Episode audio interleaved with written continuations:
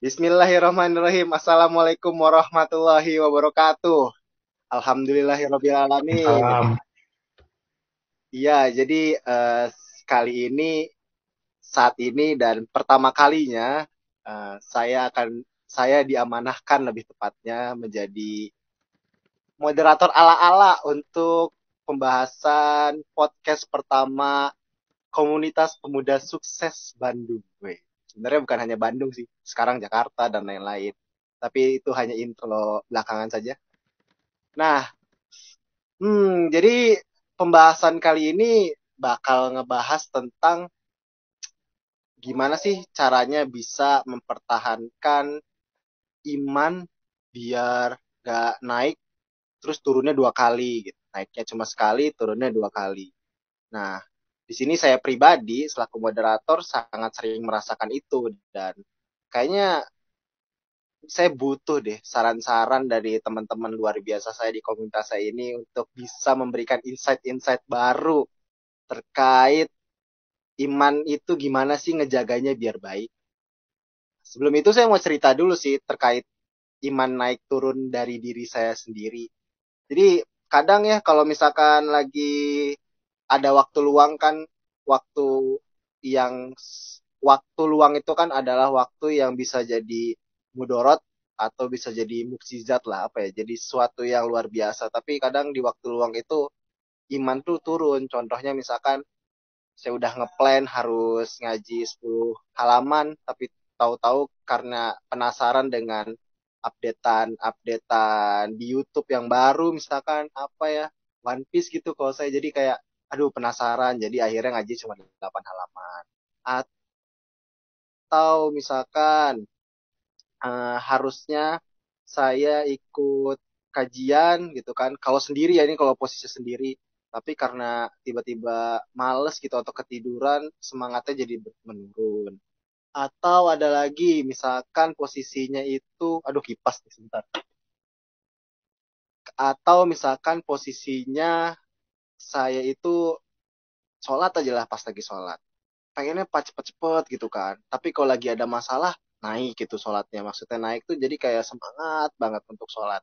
Nah itu tuh salah satu contoh dari diri saya kalau iman itu sering naik dan turun. Nah di sini saya butuh beberapa saran sih khususnya buat saya pribadi gitu untuk meningkatkan iman biar naiknya tuh dua kali turunnya sekali lah gitu tapi progresnya naik gitu. Nah saya punya uh, salah satu teman yang saya juliki Ustadz ini. Sebenarnya di sini banyak banget nih teman-teman yang sudah masuk loh. Tapi orangnya ke mana?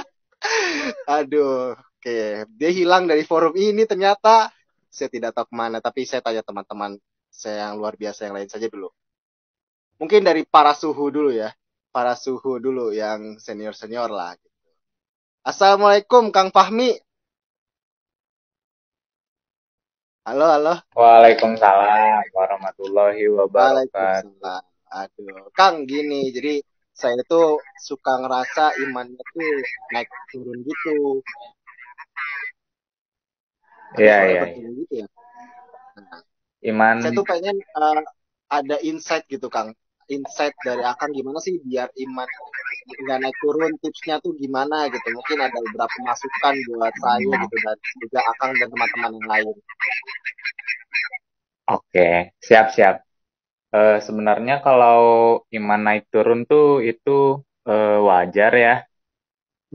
Jadi saya juga sebenarnya apa imannya ya naik turun, apa kadang semangat, kadang males.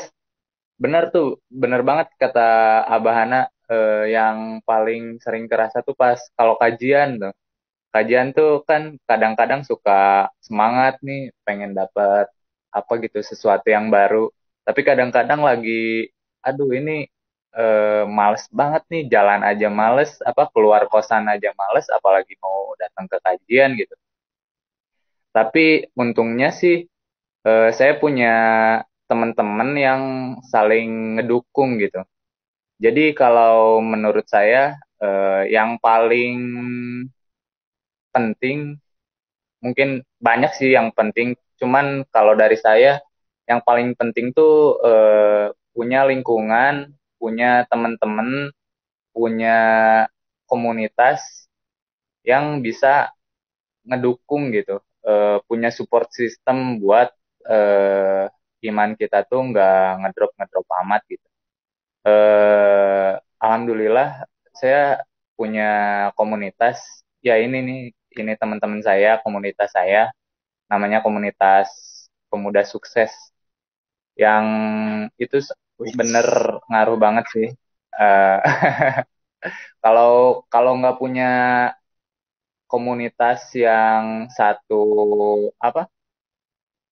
Apa ya namanya ya komunitas yang saling iya sefrekuensi saling ngedukung gitu. Itu bakal susah banget sih. Apalagi uh, saya kerja di Jakarta sekarang uh, mungkin kalau nggak gaul sama yang baik-baik ya gaulnya sama yang nggak baik nggak yang nggak baik nggak baik gitu. Bisa aja larinya karena bosan di kosan gitu. Larinya ke tempat-tempat yang ya yang aneh-aneh lah tapi saya untungnya punya temen. Jadi eh, saran yang paling utama tuh cari temen yang satu frekuensi gitu. Eh, cari temen yang bisa ngebuat eh, apa iman kita tuh tetap di atas gitu. Cari temen yang bisa nasehatin kita cari temen yang bisa uh, jadi referensi kita. Wah temen si Akang Etama atau si ya, si si akang etama halus eh gitulah. Kalau bahasa Sundanya mah. Jadi uh, punya apa ya? Uh, kayak misalnya Ariski nih aduh Ariski uh, rajin misalnya sholatnya rajin gitu. Ngajinya rajin kan kalau punya temen yang kayak gitu jadi kemotivasi gitu. Beda kalau punya temen yang uh, sorry ya misalnya suka mabok gitu pasti kita juga ke bawahnya ya kayak gitu. Uh, apa? Saya punya pengalaman ya pengalaman pas tugas akhir gitu. Uh, tugas akhir di Polban di kelas saya sih khususnya. Kan pas tugas akhir tuh pasti semua ngerjain ya. Jadi di lingkungan itu tuh semua ngerjain tugas akhir gitu. Nah kalau kita ada di lingkungan kayak gitu tuh uh, kita kita uh, apa namanya ngerjain tugas akhirnya tuh jadi semangat gitu.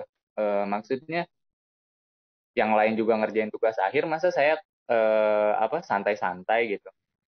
Nah kayak gitu sih.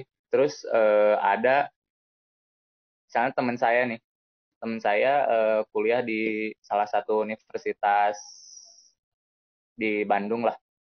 Uh, temennya tuh apa um, temennya ya gitu apa males gitu. Kalau cerita sih sering cerita saya gitu sih. Temennya males ngerjain skripsi. Nah jadi uh, dia juga nggak punya motivasi gitu buat nyelesain skripsinya. Jadi itu sih yang paling penting tuh pertama cari dulu temen temen yang satu frekuensi uh, terus teman yang bisa ngasih motivasi bukan masalah tentang agama aja ya. Semua kebaikan sih motivasi tentang kebaikan. Uh, kamu tuh harus ngerjain skripsi kamu tuh harus uh, apa berbakti sama orang tua kamu tuh harus jadi orang baik. Bukan tentang agama doang sih. Uh, lebih bagus lagi kalau nanti bisa apa di obrolannya eh, condong-condong ke agama gitu. Tapi yang pertama sih itu teman.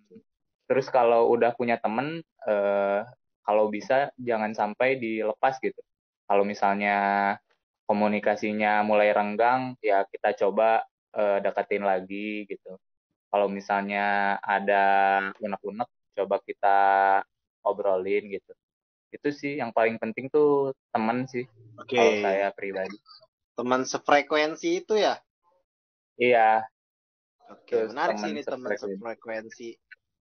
uh, oke okay, makasih banyak Kang atas insightnya ini. Aduh berarti saya harus nyari teman yang sefrekuensi gitu. Maksudnya ya walaupun udah punya ya teman-teman KPS ini tapi karena kan ketemu seminggu sekali gitu kan berarti harus ada yang emang intens gitu ya berarti frekuensinya pun harus intens gitu walaupun jarak jauh gini dan tiap minggu ketemunya tapi sebisa mungkin ya kita bisa membahas sesuatunya itu tiap hari ya saling sharing misalkan share link podcast ke YouTube dan lain-lain. Lu terima kasih banyak Kang insight-nya iya, teman yang frekuensi.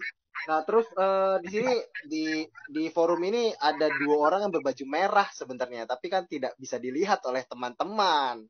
Maka saya akan mention dulu siapa dulu ya. Hmm, kayaknya tadi dari yang suhu sekarang yang yang baru lulus saja deh gitu, baru lulus dulu baju merah pertama. Ada Boskur Galuh. Assalamualaikum warahmatullahi wabarakatuh, Boskur. Aduh, Boskur, uh, tadi udah udah dengar sekilas gitu ya. Ini lagi galau nih saya nih. Jadi kadang semangat iman suka naik turun gitu nih, lagi turun gini nih. Ada nggak nih, aduh Boskur, apa tips dan trik gitu dari Boskur gitu biar bisa ya tadilah biar kalau kayak naik Gunung Semeru kan kalau naik selangkah turun tiga langkah gitu karena berpasir. Nah, solusinya dizigzakin jalannya walaupun jadi lama. Nah, biar naiknya tuh stabil gitu jadi dua satu dua satu atau bahkan nggak ada satunya tuh gimana boskur mohon mohon insight pencerahannya boskur itu sebenarnya tadi uh, Kang Bahana juga udah ngomong tadi solusinya. Pas lagi naik gunung itu kan Waduh. solusinya itu kan zigzag. Zigzag itu tetap naik berarti kan tetap mendaki gitu. Walaupun pelan-pelan tapi tetap mendaki. Okay. nah Berarti itu solusinya sebenarnya. Uh, daily activity yang kecil-kecil, gak perlu yang gede-gede lah pokoknya tapi uh, intinya di situ sih mengusahakan tetap tepat waktu uh, ibadah ibadah yang wajibnya segala macamnya pokoknya uh, harus daily habitsnya gitu ya daily habits uh, tentang uh, beragama itu harus di ini sih dibuat daily habits kecil-kecil. Tapi memang itu susah ya. Waduh, betul sekali boskur. Makanya itu butuh insight gitu. Nah, betul. Tapi bener sih itu menarik sih tadi daily daily activity dari yang kecil-kecil itu ya. Oke, oke. Contohnya gimana nih boskur? Biasanya apa nih boskur yang dilakukan? Nah, kalau saya sih itu aja rawatip-rawatip yang ringan-ringan kayak uh, qobla subuh pokoknya yang bener-bener qobla mantap boy qobla subuh ringan eh iya berat sih pokoknya yang kalau saya berat waduh mantap ya bosku ini udah high class nih kayaknya nggak salah saya nanya berarti maksudnya walaupun bangunnya agak telat juga tetap aja dilakuin gitu qobla subuh mah Iya. Jadi itu paling yang rawatib-rawatib sunnah. Sama ini nih ada formula baru baru akhir-akhir ini sekitar dua mingguan terakhir. Ini menarik banget buat teman-teman juga. Jadi ada yang saya tonton, ada yang pernah saya share juga. Pematerinya itu Kiai Haji Gus Baha. Ini seru banget sih, keren banget. Jadi Gus Baha ya. Iya. Oke, oke. Gimana gimana tuh? Gimana tuh? Apa yang Gus bilang? Uh, jadi Gus Baha itu ngomong kan untuk mendekati Allah atau menjadi kekasih Allah menjadi waliullah itu banyak makomnya, banyak caranya. Jadi ada salah satu seorang wali yang makomnya itu asik banget gitu. Makomnya itu ialah mengeluh. Jadi mengeluh mengeluh terus menerus uh, terhadap kehidupannya, tapi dengan cara yang benar gitu. Waduh, waduh, gimana tuh mengeluh, mengeluh secara terus menerus, tapi dengan cara yang benar. Aduh, ngeluhnya saya nggak benar semua nih soalnya, bingung. Gimana, gimana nih? Kasih tau dong. Nah, jadi uh, mengeluhnya itu uh, kita tuh mengeluh, mengeluh hanya kepada Allah. Jadi mengeluh, mengeluh hanya kepada Allah dan kenapa kita mengulang-ulang mengeluh itu? Karena kita tuh uh, menghamba kita tuh menyadarkan bahwa diri kita tuh hamba gitu. Nggak ada apa-apa yang nggak bisa ngapa-ngapain tanpa bantuan Allah gitu. Jadi setiap hidup gimana? Lemah gitu ya lemah ya. Nah itu. Ya benar. Jadi pokoknya tuh bener-bener apa ya kita tuh karena kita lemah karena kita butuh bantuan Allah jadi kita tuh mengeluh kepada Allah curhat terus ke Allah nah itu uh, itu tuh bener-bener membuat kita ada makom ternyata ada makom yang seperti itu gitu jadi kan memang banyak tuh di Twitter tuh hanya tinggal dipindahin aja tuh dipindahin ke Allah gitu Waduh, iya bener juga ya. Itu Twitter kan jadi sosmed para pengeluh lah ya bisa dibilang gitu ya kalau bahasa bahasa saya sih gitu. Jadi kayak aduh nih Gojeknya telat gimana nih gitu. Tapi dipindahin itu ke Allah gitu ya di sesudah sholat gitu. Aduh bener juga nih Boskur. Ini insight baru sih buat saya gitu. Oke, ada lagi nggak Boskur tips-tipsnya? Udah itu aja kayaknya. Itu paling ngaruh sih yang kedua. Sama ada sebenarnya yang yang yang bagus banget cuma ini apa ya? ya pokoknya inget mati lah inget mati oke okay. itu tapi susah itu kadang-kadang kan hidup mah kayaknya panjang terus umur tuh ya iya iya betul boskur kayaknya tuh ngerasanya aduh besok masih hidup masih hidup gitu ya. Tapi sebenarnya itu udah udah udah apa ya kalau istilahnya tuh sudah deket banget lah gitu tinggal dicabut itu kan iya, gampang udah itu aja kalau itu betul. Kalau tapi tadi terakhir kalau bahas kematian tuh ada ya aduh ulama mana ya? Pokoknya pernah baca di Twitter juga tuh kalau nggak salah. Jadi kematian karena COVID itu hanya satu persen, tapi kematian karena apa aja itu 100 persen, wis. Wih, keren. Juga gitu. Iya, kita betul. terlalu khawatir dengan yang satu persen, tapi kita tidak khawatir dengan yang apa saja, kapan pun, di mana pun yang 100 iya, persen gitu. Benar, benar, benar. Hanya gitu kan, itu yang perlu benar-benar diingat tuh nyentil banget sih kata-katanya. Oke, Bos Kurgalu, terima kasih banyak insight-nya. Tadi uh, catat lagi satu lagi, ingat mati. Tadi ada tiga poin ya gitu kan intinya. Daily activity dari yang kecil-kecil gitu kan. Contohnya mudahnya kalau Bos Kurgalu tadi contohnya ya kobra. Tapi semoga bisa jadi mudah memang gitu kan. Itu doa ya Bos ya. Iya. iya betul. Terus mengeluh hanya pada Allah gitu. Jangan capek ya mengeluh di Twitter dan lain-lain. Pindahin gitu sudah sholat misalkan. Sama ingat mati. Bener banget sih ini. Oke, terima kasih. Baju merah pertama. Ya, uh, sekarang uh, saya mau pindah ke baju merah kedua nih, yang posisinya di Tasiak. Assalamualaikum, Adian. Waalaikumsalam, Kang Bahana. Aduh, Kang, tadi udah denger ya beberapa insight gitu ya dari teman-teman yang lain, dari Kang Fahmi, terus dari Bos Kurgalu. Nah, ini kayaknya masih butuh referensi yang lain nih, soalnya kadang ya itu nih man saya nih aduh suka, sudah dikatakan gasot atau apa ya kalau kalau kemarin bahasnya limit tuh udah aduh hampir nyentuh tapi nggak nyentuh gitu dan jangan sampai nyentuh. Biar bisa naik lagi tuh ada insight yang lain nggak gimana tuh biar bisa semangat lagi gitu? Boleh boleh lah uh, sebenarnya kalau mau uh, tahu cara biar iman kita naik lagi itu kita cari tahu dulu kenapa sih iman kita bisa turun gitu. Nah, biasanya kalau iman kita turun, itu karena kita sering menumpuk eh, amal-amal yang buruk, suka bermaksiat. Ibaratnya, ya kalau misalnya hari ini kita udah melakukan sholat lima waktu sama sunatnya, terus tadarus, mengikuti kajian, gitu, kita dapat nilai 8 misalnya terus besoknya kita udah mulai tinggal sunat terus tadarusnya dikurangin. Itu misal turun jadi 7 atau 5 kemudian diulang lagi hari berikutnya kemudian menjadi kebiasaan nanti e, nilai amal kita menjadi minus kan. Nah ketika iman kita sudah berada di titik rendah itu motivasi untuk naik lagi itu benar-benar sangat susah. Nah kebanyakan orang itu susahnya mencari motivasi. Uh, terus kalau menurut saya yang paling susah itu buat mencari motivasi gara-gara kita lalai. Jadi uh, misal kita uh, hari ini nggak sholat subuh nih, terus lama-lama kita akan uh, menyepelekan uh, dalam meninggalkan sholat gitu. Jadi lama-lama akan susah gitu untuk mau berubah itu. Nah tadi makanya udah dibilang sama Kang Fahmi kalau misalnya faktor eksternal itu seperti pergaulan itu sangat berpengaruh karena kita untuk memunculkan motivasi sendiri itu sangat susah memang itu.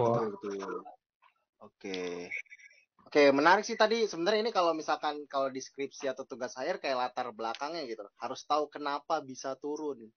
Itu karena menumpuknya amal buruk. Wah, benar banget sih itu. Jadi karena udah terlalu sering lalai gitu ya kalau dilanjutin sama poin keduanya lalai terus kayak sering sering buka sosmed berlebihan gitu atau misalkan sering um, apalagi ya misalkan um, ngelihat tulisan-tulisan yang enggak enggak dan lain-lain akhirnya lalai motivasi hilang amal buruk numpuk ya turun imannya gitu kan Nah, betul.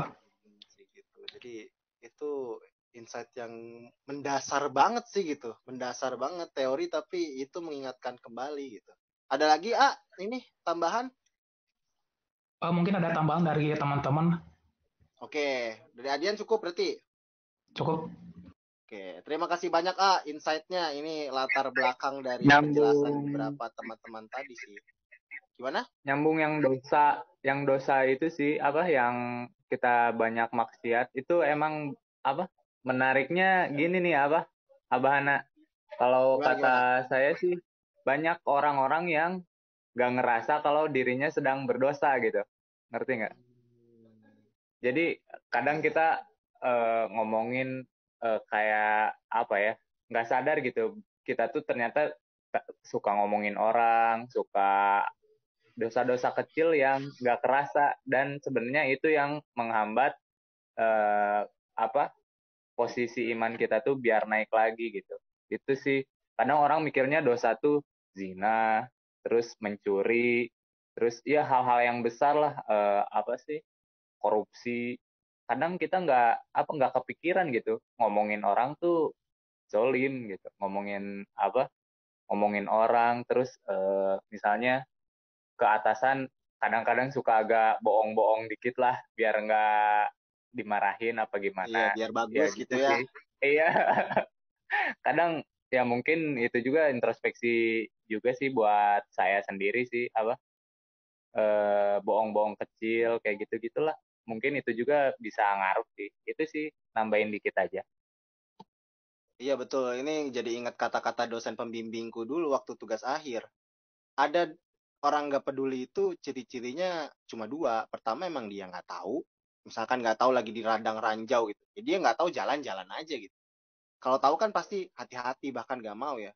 Sama ada yang udah tahu tapi emang nggak mau tahu gitu. Nah itu yang parah sih yang bahaya. Semoga kita kalaupun nggak tahu masih yang pertama lah gitu. Tapi ya justru dengan ada forum ini tadi yang kata Kang Fafi bilang gitu interaksi-interaksi yang sefrekuensi ini bisa saling mengingatkan akhirnya peduli dan pedulinya itu nggak cuek gitu ya. Kita peduli kalau ada ranjau di situ berarti kita harus membuat jembatan misalkan gitu kan.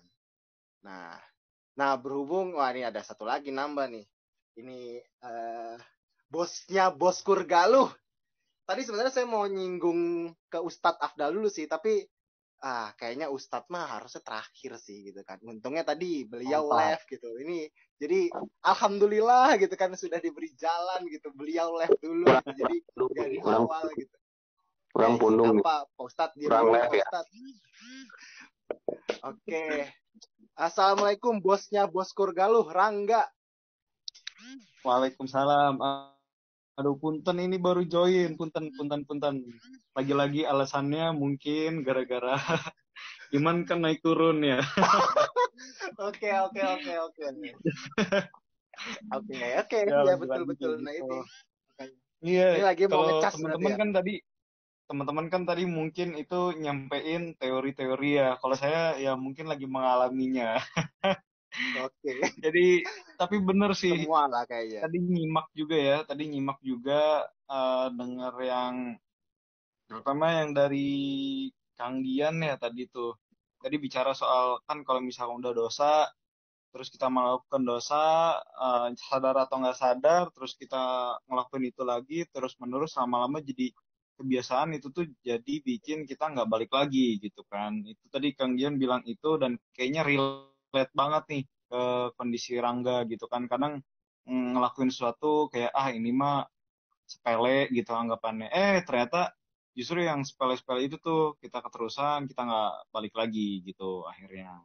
Bahkan sesimpel kita kadang eh, azan gitu misalnya nggak langsung sholat terus jadi telat-telat sesimpel itu bisa juga sih bikin eh, apa bikin jadi lebih turun jadi bukan turun naik sih sebenarnya jadinya naik turun turun turun turun naik turun turun turun turun turun turun naik jadi turunnya selalu lebih banyak Turunnya daripada 10 naiknya. gitu ya, naiknya satu gitu Iya. ya, mungkin. Iya, ngumpul kayak gini baru naiknya banyak lagi gitu kan. Nah emang harus emang harus dipaksain sih bener kata yang Ka- Kang Agung waktu itu bilang juga. Ya sih, dari aku paling itu aja tambahannya ya. Waduh, itu aja tuh. Iya itu aja. Oke, tapi ada dua Sisanya poin sedang butuh masukan aja daripada ngomong. Oh, makanya tadi sengaja eh, apa namanya eh Ustadz Afdal disimpan di akhir gitu karena ini pas Ih, gitu kan berarti. Nah, itu tadi ya diulang lagi jadi aktivitas buruk yang kecil kan tadi kalau Bos Kurgaluh bilang membiasakan daily activity yang kecil-kecil gitu ya. Yang kecil-kecil jadi kayak oke lah gitu kan. Jadi nanti lama-lama jadi bukit. Nah, ini kebalikan yang awalnya dikira buruk eh jadi malah buruk terus gitu kan. Oke oke oke Eh, solusinya dipaksain, paksain gitu. Kalau kata Ya, Hokage benar. kita tuh ya harus dipaksain dong nggak mau gitu kan. Soalnya ya Iya. biar itu jadi up lagi gimana jadi nggak turun turun turun turun turun naik gitu kan. Oke, hmm, ini sudah Hmm. sampai puncaknya sebenarnya. Jadi kayak, aduh, keluhan-keluhan saya, saya tadi di awal ngeluh gitu kan, naik iman, naik turun gitu di pembukaan. Udah dapat insight dari Afahmi, aduh tentang frekuensi, lalu dari eh, Bos Purgaluh, lalu dari Adian, dari Rangga gitu kan. Sekarang ke orang yang disebut di awal tapi tadi hilang gitu kan. Ini emang sudah jalan Allah ini. Ustadz Afdal di akhir ini sudah skenario rencana Allah itu. Karena manusia itu merencanakan belum tentu baik gitu kan. Gitu. Nah, ini ini bahas ini oi, doang enggak putus-putus, putus-putus.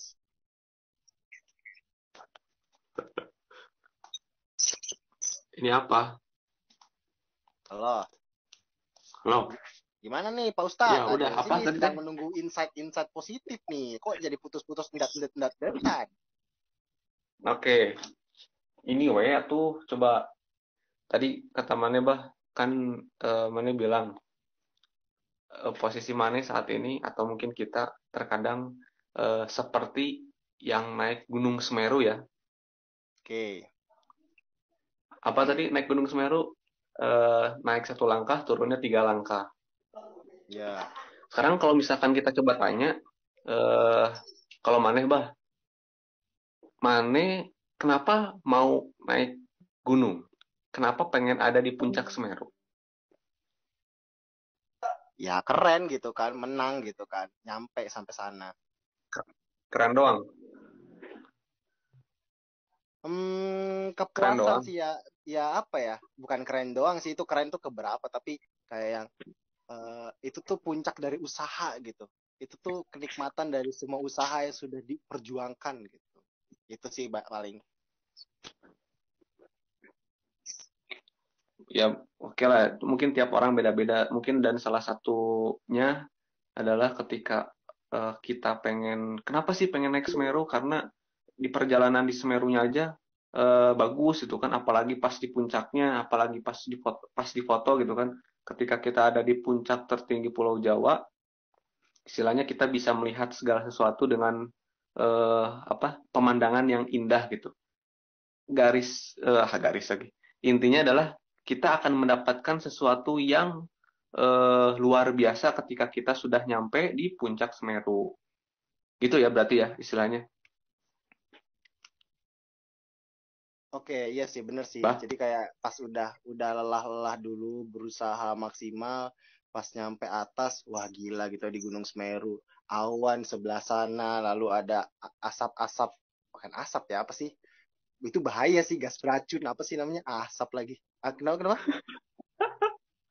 kok kabut? Kabut. Apa sih istilahnya? Pokoknya, pokoknya gas-gas dari kawah gitu lah, gitu kan. Ya Bus-bus lapa, lapa. gitu kan. Nah, itu kan, Nah, kan balik lagi pemandangan-pemandangan keren. sama ya balik lagi ya sama yang tadi ya sama halnya dengan kita gitu kan. Eh berarti eh, kalau misalkan kita ibaratkan tadi dengan naik gunung, kita kan eh, ketika kita mau naik gunung itu kan kita harus tahu dulu eh, sebenarnya kita naik gunung tuh motivasinya apa, kita akan mendapatkan apa. Nah, gitu juga eh, dengan tadi yang kata Mbak Hana sebut, kita eh, ketika imannya naik dan turun, sebenarnya kita harus paham dulu gitu. Kalau misalkan kita istiqomah, kita akan mendapatkan apa sih itu. Jadi intinya adalah kefahaman atau al-fahmu. Kalau dari aku sih gitu aja. Masya Allah, ya Allah ya Robbi, Ar-Rahman Ar-Rahim, yang Malik ya Kudus, semua asma bisa disebutkan. Ini adalah insight luar biasa yang di penghujung benar-benar menghujam gitu. Terbaik emang. Waduh, memang nggak salah ini Pak Ustadz datang di akhir gitu kan. Aduh, memang luar biasa banget sih ini gitu. Intinya Nanti tadi bang tar dulu belum belum beres. Oh, ada lagi. Oh, belum Nah. beres. Oke, oke. Mute Ah. semuanya, dak semut ciumannya. Semuanya mute. Ini insight mahal ini. Enggak enggak ini kan yang udah disampaikan minggu sebelumnya. Jadi kalau misalkan berkaitan sama kepahaman kan berarti kita bisa cek di Quran surat apa tuh? Quran surat 41 ya ayat 30 katanya. Artinya di sini Sesungguhnya orang-orang yang berkata Tuhan kami adalah Allah, kemudian mereka meneguhkan pendirian mereka, atau misalkan kita sebut istiqomah ya, maka malaikat-malaikat akan turun kepada mereka dengan berkata, janganlah kamu merasa takut dan janganlah kamu merasa bersedih hati. Dan bergembiralah kamu dengan memperoleh surga yang telah dijanjikan kepadamu. Jadi kalau misalkan kita merasa eh, apa tadi imannya naik naik turun turun turun turun turun turun turun maka kita harus eh, mengingat kembali merefresh ingatan kita kembali tentang eh, apa apa sih ganjaran yang eh, Allah berikan kepada orang-orang yang istiqomah. Atau dengan kata lain kita harus paham seperti itu.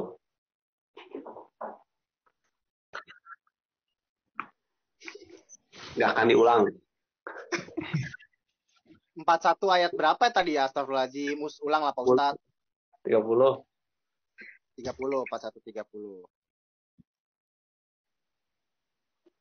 Oke. Jadi eh, intinya kita harus itu ya, harus tahu tujuan kita itu kita melakukan amal baik eh, biar apa nantinya gitu, apa yang kita dapat gitu ya. ini adalah kefahaman Iya ya. Tapi kita itu kan sebenarnya paham gitu. Kalau misalnya kalau kita beramal baik itu nanti kita eh, misal masuk surga misal. Terus kalau misalnya kita bermaksiat itu dapatnya siksaan misal. Tapi kan kita sadar tapi males gitu. Gitu sih. berarti kita tidak paham mungkin kita bedain antara paham dan tahu kalau misalkan kita eh, udah tahu seperti itu tapi masih melakukan berarti kita hanya sekadar tahu bukan paham tapi kalau menurut aku kalau misalkan kita kita udah termasuk golongan orang yang paham kita nggak akan seperti itu seharusnya kalau masih berarti kita baru sekadar tahu aja bukan paham Oke, Kang. Oke, Pak Ustadz nih. Ini kan terutamanya saya nih Pak Ustadz itu kan. Ya kadang kadang udah udah diem lah udah set, udah afdal. Oke, Kiai Afdal. Jadi gini sih sebenarnya bingungnya. Eh, kan udah nih kadang kan tahu, paham gitu kan. Tapi aduh, ya kadang tuh suka masih turun-turun gitu. Ada nggak sih teknis gitu? Teknisnya tuh kayak jadinya ya udah kalau lupa gitu maka datanglah ke sini. Datanglah ke situ. Gitu kan. Jadi kayak aduh saya tuh lapar gitu, datanglah ke warteg gitu. Nah, itu ada nggak tuh realnya gitu? tidak ada Kok gitu, woi serius dong. Aduh, Aduh, aku kan bukan ustadz, jadi aku nggak tahu. dia bukan karena ustadz doang, atuh ya kan ini mah kan umum. Nah, kalau misalkan kayak tadi, berarti turunannya adalah yang disebutkan tadi sama Galuh. Ya. Disebutkan sama tadi siapa? ya? Rangga dan Kang Fahmi. dan sebagainya gitu. Tapi kan inti dari semuanya adalah paham, terus turunannya adalah yang tadi. Kalau menurut aku sih gitu. Oke. Oke, oke. Kalau masih ya ya gimana tuh ya? Ya mungkin karena kita belum eh, belum sungguh-sungguh, mungkin kita belum memohon kepada Allah. Jadi ya gitu lagi, gitu lagi. Oke, oke, oke, Pak Ustadz. Tapi saya jadi ingat buku bacaan yang pernah saya baca sih. Eh, kalau bahasa Nah Inggrisnya mah, tahu. iya apa ya? Jangan bahasa Inggrisnya deh. Artinya segala-galanya ambiar. Walaupun bukunya kayak eh, bukunya pro kontra gitu pas dibaca. Tapi intinya itu ada dua otak yang mengendalikan hidup kita. Otak memikir, eh otak otak otak otak perasa dan otak pemikir ya tadi kita tuh paham tapi kita nggak melakukan karena yang mengendalikan tubuh kita itu adalah otak perasa. Maka untuk bisa menyusupi otak perasa yang sangat merasa kita otak pemikir di dalam tubuh kita harus pelan-pelan. Contohnya tadi dengan daily activity yang disuguhi pelan-pelan. Misalkan kalau mau rajin olahraga mulailah tiap pagi pakai sepatu aja dulu walaupun gak jadi atau jalan depan kosan selesai terus terus terus terus terus terus kayak gitu. Itu bener sih itu kalau dari Bener, bener. teori di luar itu mah kayak gitu. Ada dua otak yang mengendalikan. Otaknya sih sebenarnya satu yang mengendalikan otak perasa.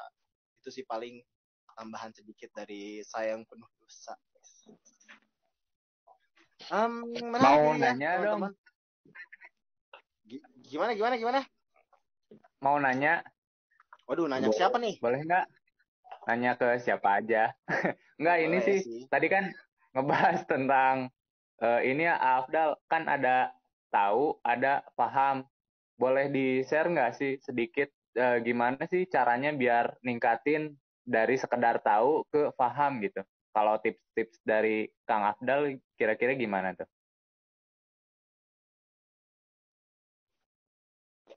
Susah banget kan pertanyaannya.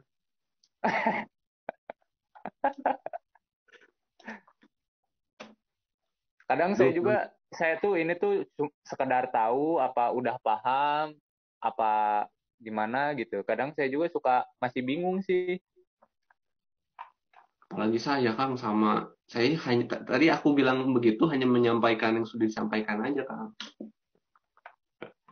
Oke, mungkin ini catatan untuk moderator untuk menyimpan pertanyaan ini ya. Loh, loh, ya dijawab setaunya aja dong. Gimana sih? Ah, Aku emang nggak tahu gimana dong. ya sudah. Mungkin yang lain, ya mungkin yang simpan ke Hokage ini. Harus disimpan Mungkin ke yang. Hokage. Berarti nanti di next podcast itu harus ada jawaban dari pertanyaan ini. Afdal Ya, menjelaskan bahwa kalau misalkan kita mau iman kita naik, maka kita harus paham, bukan hanya sekedar tahu. Kalau sudah paham, kita nggak mungkin atau bukan nggak mungkin lah, kemungkinannya kecil untuk bisa turun imannya, kan? Nah ini pertanyaan besar ini untuk Hokage kita. Hokage kita harus dipanggil, tapi sayang sekali Hokage kita sedang ada urusan dadakan. Jadi pertanyaan ini harus terpendam terlebih dahulu. Seperti itu Kang Fahmi. Jadi tahan dulu penasarannya kita harus tahan Iya. ke pertemuan Kita harus selanjutnya ini podcast menunggu- dibahas. Iya, kita harus menunggu Hokage ini. Betul sekali ini. Iya, Jangan sampai nanti tersesat kita mau menuju desa Iya. desa pasir malah jantungnya desa batu bahaya kan ini. Jadi butuh Hokage nih, butuh Hokage untuk pencerahan. Oke. Oke, oke. Hmm, ini sebenarnya eh, back to me lagi ya. Jadi tadi di Eh, awal saya cerita, Lah, mau nanya lah. ah, Kan ini mau ngobrol ya. Aku mau nanya. ya sok. Tadi kan Kang Fahmi bilang yang disebutin kalau misalkan salah satu kiat untuk eh, apa supaya apa tadi istiqomah ya supaya naik-naik terus ke turun-turun-turun-turun adalah dengan kita punya teman yang sefrekuensi. Nah, sekarang kondisinya menurut teman-teman gimana kalau misalkan di satu tempat kita tidak menemukan orang yang satu frekuensi. Misal anggaplah di eh, tempat kerja atau di kuliah gitu ya. Ya jawab misalkan ada yang jawab jawabannya ya kita eh, apa jadikan orang tersebut sefrekuensi dengan kita misalkan. Nah, gimana cara menjadikan teman kita itu sefrekuensi dengan kita? Istilah pertanyaannya gitu. Oh, saya ini ya, saya Kalau juga misalnya sama sih sebenarnya. teman sekitar kita,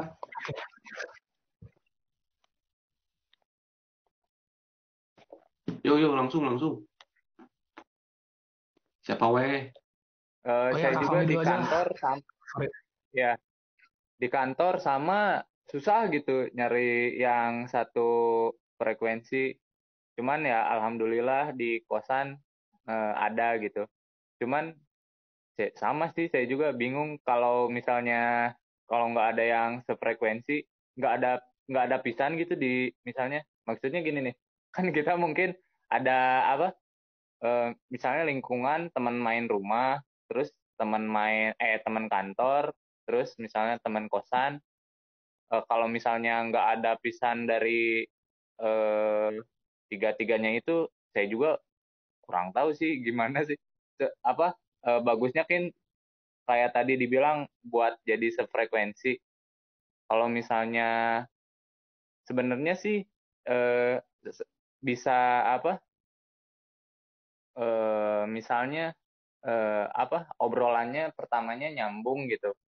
Em, mungkin masalah tentang agama itu eh, nggak nggak apa nggak dibahas dulu. Tapi misalnya kalau kita ngomongin bola dia nyambung gitu nyaut eh, apa yang diobrolin sama kita eh, dia tuh responnya bagus gitu. Apa kalau udah deket mungkin ya ini susah sih ngomongnya aja kayak yang gampang ya apa dicekokin tentang apa materi-materi. Mungkin itu susah banget sih. Tapi ya mungkin itu sih caranya. Eh, pertamanya sih jangan mikirin dulu dia pas diajak ngobrol ngobrol agama nyambung atau enggak. Eh, jangan dulu ke masalah agama. Mungkin kalau yang kita bahas sefrekuensi di sini apa sih? Eh, dia ngobrolin agama nyambung enggak? Nah kalau bisa jangan tentang agama dulu jadi eh, mungkin bisa satu hobi atau satu apa ya satu hobi sih yang paling gampang. Misalnya suka main futsal nih. Ya misalnya kita futsal dulu terus mungkin lama kelamaan bisa di apa diajak mungkin ya. Cuman ya itu mah ini aja sih istiqomah aja. Nggak nggak mungkin kita ngajak yang bisa diajak ngobrol tentang agama tuh misalnya sekali ngajak ngobrol gitu langsung nyambung itu mungkin nggak nggak ada gitu ya kayak kalau kayak gitu. Itu sih mungkin nggak tahu ngejawab nggak tahu nggak. Tapi kalau sepengalaman saya kayak gitu pertama ngajak ngobrolnya tuh ngobrol apa aja ngalor ngidul.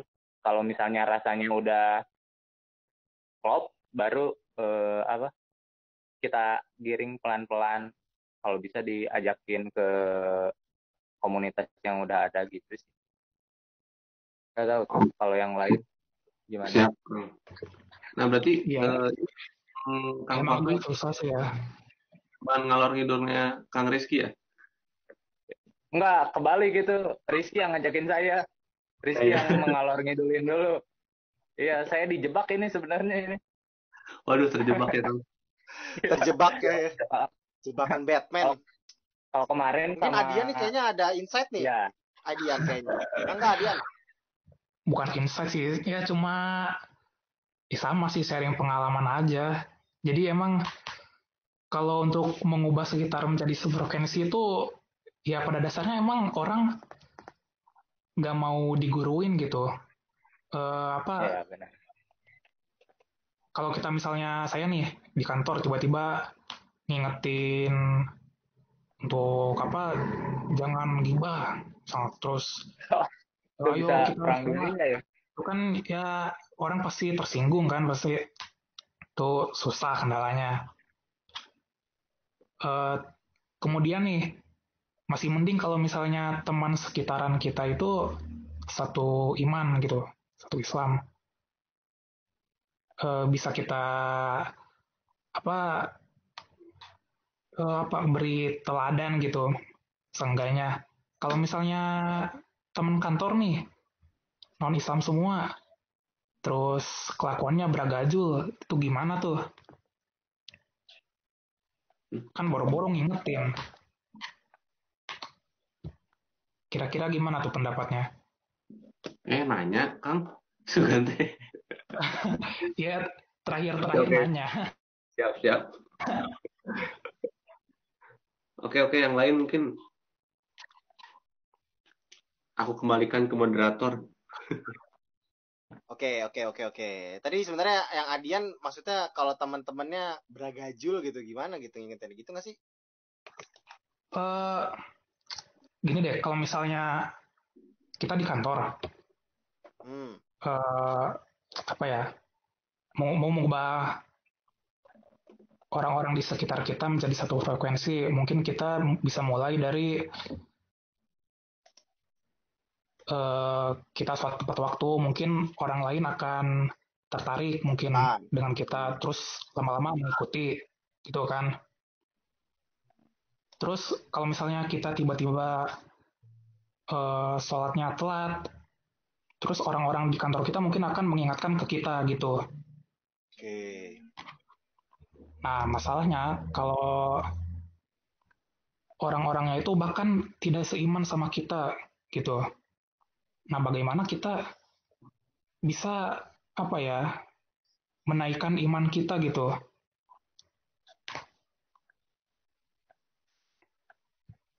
iya iya kang ya dengan kita pindah dari lokasi tersebut Susah Hijrah. cari lagi kan? iya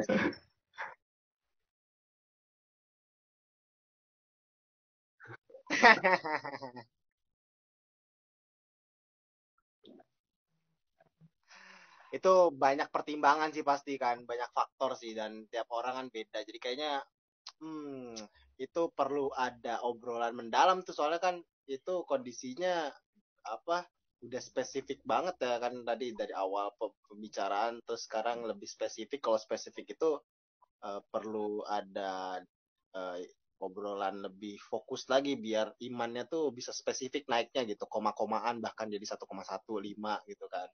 Itu kalau obrolan spesifik kayak gitu gitu. Jadi oke lah itu tapi bisa jadi insight tampungan dulu sih untuk Hokage khususnya. Jadi ada tiga pertanyaan tadi dari Afdal eh dari Afahmi dari Afdal Afdal itu nanya tentang aduh lupa tadi ke Afahmi itu apa ya? Hmm, eh, tadi apa sih? Lupa. Aduh apa sih tadi yang kedua tuh?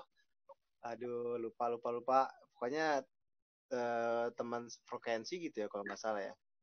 Tadi lupa dicatat terus yang ketiga tadi dari Adian gitu. Nanti bisa kita tanyakan lah ke para Hokage eh para ya para dan Hokage utama kita lah gitu kan hmm oke ini insight luar biasa sih buat saya yang tadi di awal bingung banget gitu ya ini gimana nih biar iman saya naik turun tapi akhirnya udah ada Biar naik turun, Bang. dulu. Diam dulu atuh, saya tuh lagi mau intro lagi dari tadi. Oke, oke. Ah, eh, eh, eh intro lagi, bukan intro lagi sih. Hmm, eh, jeda dulu gitu, jeda dulu. Itu dong maksudnya. Maaf Pak Ustadz tuh Pak, kok jadi kayak ngegas gitu ya. Sorry, sorry. Nah, jadi eh eh, kan tadi sampai mana lupa. Oke. Itu sih sebenarnya menarik ya tadi dari pembahasan insight-insight baru dari para teman-teman saya yang sangat luar biasa gitu kan. Dimulai dari pembahasan tentang eh, teman sefrekuensi hingga goals kita tujuan dan memang menurut saya sih yang paling penting itu adalah menetapkan tujuan dan tujuan setiap muslim itu kan pasti pengennya ke surga ya gitu. Ke puncak Semeru tadi kalau analogi naik Semeru gitu. Biar lihat pemandangan yang luar biasa bisa menikmati udara segar. Segar ya dingin sih sebenarnya. Udara segar di puncak Semeru dan juga eh, pemandangan yang luar biasa. Sama analoginya kayak kita sedang berjuang gitu kan. Dan analoginya lagi kalau misalkan kita fokus ke analogi naik gunung naik gunung itu kan sebenarnya kita yakin gitu kan kita yakin walaupun sakit dan gimana pun yakin tapi ada teman yang mendukung kita di situ. Teman yang mendukung kita di situ yang memang bisa mensupport kita biar kita tetap semangat gitu. Terus yang menarik lagi sebenarnya tadi eh, teman frekuensi dan kalau kita muncak itu kan eh, eh, pasti ada keluhan-keluhan ya. Nah, ini sebenarnya bisa kita coba support lagi diri kita dengan mengeluhnya pada Allah tadi kalau yang tadi Kang Galuh bilang gitu kan. Itu itu keren banget sih itu insight menarik banget sih gitu tadi buat saya pribadi gitu yang tadi galau di awal-awal. Menarik sih ini uh, pembahasan yang sangat menarik untuk uh, kita semua khususnya untuk uh, saya gitu kan terkait iman turun semoga sih setelah ini kegalauan saya pribadi gitu ya uh, bisa terbayarkan gitu kan biar imannya seenggaknya turun-turun yang tadinya ada 10 kali dalam diri saya bisa jadi 9 paling terakhir dari teman-teman ada berapa atau sebagian yang mau menambahkan lagi sebelum uh, kegalauan saya tentang naik iman turun ini saya akhiri sampai sini. Dari dari siapa dulu ya? Ditanya satu-satu aja deh. Tadi awal dari Afahmi. Afahmi ada tambahan? Cukup? Uh, udah sih. Cuman uh, kadang benar tadi apa? Mungkin kita di sini ngebahas tentang teori-teori doang gitu. Uh, yang lebih penting kan uh, prakteknya gitu mudah-mudahan uh, apa teori teori yang kita dapat tuh bisa dipraktekin gitu itu aja sih tuh tuh tuh. Oke, eksekusi itu yang penting ya sebenarnya ya. Iya benar. Kadang-kadang kita kelamaan konsep eksekusinya nggak jadi-jadi. Betul betul. Itu kebiasaan kita saya khususnya gitu kan masalah itu oke. Dari Boskur Galuh gimana Boskur Galuh ada tambahan terkait pembahasan kali ini? Aman sentosa ya Boskur. Aduh terima kasih banyak Boskur atas insight-nya tadi luar biasa sekali. Next saya nggak mau ngeluh di Twitter, ngeluhnya di sama Allah saja. Mantap jiwa. Terima kasih Boskur. Lalu baju merah selanjutnya Adian ada tambahan Adian? Udah cukup Kang. Cukup. Masih nunggu jawaban sih lagi sebenarnya bisa ngejawab tapi ya nanti lah next meeting bosnya bos Kurgaluh Arangga ada tambahan insight-insight kecil lagi gitu aman aman om aman. oke okay, aman ya siap oke oke oke oke dari Kang Afdal gimana Kang Afdal? Ya, uh, enggak sih, udah itu aja. Nggak banyak ini. Oke, gimana Kang Abdal? Sorry. Semangat. Oh, ya, oke, siap. Oke, uh, tak terasa ngobrol udah berapa lama? Mungkin sudah sejam kali ya. Uh, tapi ini obrolan yang sangat menarik. Ini adalah konten awal dari kami para komunitas muda yang ingin sukses tentunya. Dan semoga bermanfaat. Sampai jumpa di konten selanjutnya, di podcast selanjutnya, di pertemuan selanjutnya. Wassalamualaikum warahmatullahi wabarakatuh. Jeng jeng jeng. Aduh, saya rebahan dulu capek. Waalaikumsalam warahmatullahi wabarakatuh.